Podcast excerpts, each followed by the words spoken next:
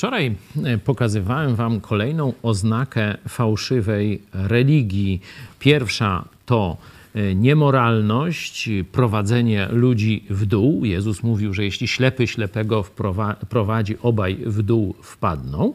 A druga, druga cecha to odejście od czczenia Boga w duchu i w prawdzie na rzecz sporządzania przeróżnych figur, obrazów, rytuałów, które mają zastąpić prawdziwą pobożność. Dzisiaj z kolei chciałem Wam powiedzieć, co Bóg mówi o ludziach, podkreślam, którzy świadomie wybierają fałszywą religię. Czyli wiedzą, że jest to tylko ludzki system, wiedzą, że jest to zwodniczy system, oszukańczy, nie mający żadnej mocy, a mimo wszystko uczestniczą w tym kulcie fałszywych bogów. Otwórzcie sobie księgę Izajasza, 41 e, rozdział. Tam e, Bóg, można powiedzieć, tak się prawuje, czy podaje testy. Mówi no, do fałszywych religii, do fałszywych bogów. Mówi, no to powiedzcie mi, jaka będzie przyszłość? No oczywiście guzik wiecie. Powiedzcie mi, jak zostało to wszystko stworzone. No oczywiście guzik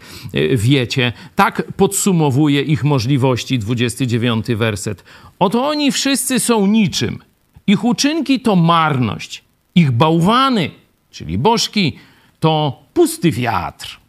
Czyli jest to nicość, zwodniczość, nie ma żadnej mocy ani prawdy w tym. I teraz to pytanie zasadnicze. Jeśli wiesz, że Twoja religia jest fałszywa, pusta, nie ma w niej żadnej prawdy, a mimo wszystko w niej trwasz, to zobacz, co sam Bóg o tobie myśli, jak ciebie ocenia. 24 werset. Oto wy zgoła niczym jesteście i wasze działanie nic nie znaczy. To o fałszywych religiach. Obrzydliwy jest ten, kto was sobie obiera.